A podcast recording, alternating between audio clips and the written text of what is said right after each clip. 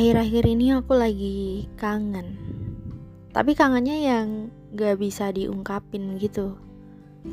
Ya gak bisa aja. Jalur komunikasinya udah putus.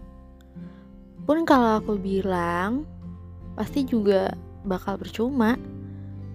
Karena ya udahan aja. Sedih ya, yang awalnya bisa leluasa bilang kalau kangen, leluasa cerita ini itu meski nggak penting, tapi eh tahu taunya berakhir kayak gini. Ini tentang manusia yang isi kepalanya penuh sama ide-ide gila, tapi dia selalu ngerasa rendah. Salah satu manusia ajaib yang sialannya bikin aku terus penasaran. Ya nggak perlu waktu lama buat aku benar-benar percaya, nyeritain banyak hal sama dia, tapi ya nggak tahu, kayak yakin aja.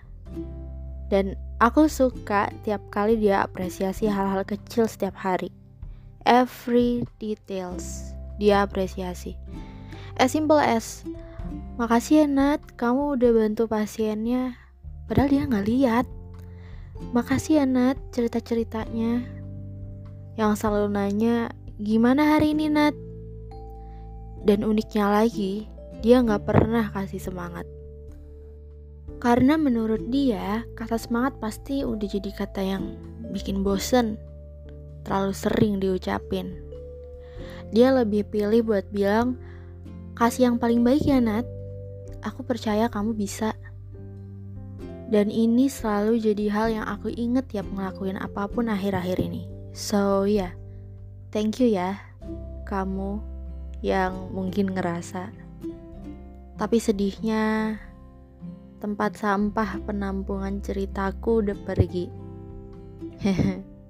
iya, hilang. Meski sebelumnya dia pernah bilang kalau nggak bakal ngilang. Emang ada benernya sih kalau orang atau manusia itu nggak bisa kita anggap rumah Aku baca tentang ini beberapa waktu lalu yang tulisannya intinya kayak gini. Terkadang manusia nggak bisa benar-benar kita anggap rumah. Karena kalau rumah ya harusnya statis. Tapi beda, manusia dinamis. Bisa berubah kapan aja.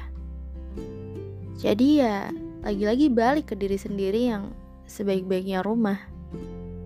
Sering banget Tiap kali aku nemuin sosok yang, oh kayaknya nih orang bisa nih jadi rumahku. Tapi akhirnya ya sama, dia pergi, hilang. Aku jadi selalu mikir dan sering nyalahin diri sendiri, selalu overthinking. Kira-kira di mana ya salahnya? Apa ya kurangnya? Dan hal-hal lain yang sebenarnya nggak perlu diambil pusing. Pernah juga di fase yang nangis-nangis sampai spam chat buat minta penjelasan, tapi ternyata setelah dipikir-pikir lagi gak perlu loh. Gak perlu kayak gitu. Karena ternyata salahnya bukan di kita. Jadi cukup diam aja. Meski pahit, ternyata faktanya bukan kita yang dia mau. Ya, ada benernya juga ya kalau tiap orang ada masanya dan tiap masa ada orangnya. Jadi anggap aja dia cuman figuran yang dateng buat kasih kita pelajaran. Ya pelajaran apa aja? Kalian ada yang ngalamin hal yang sama nggak? Bukan apa sih, aku cuman pengen nekenin kalau itu bukan kuasa dan salah kita.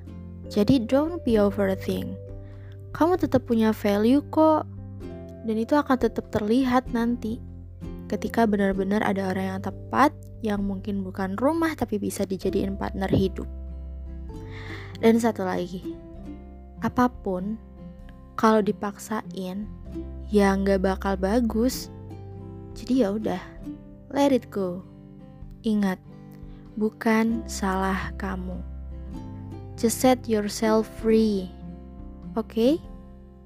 Jadi kalau menurut kalian, manusia bisa nggak sih jadi rumah?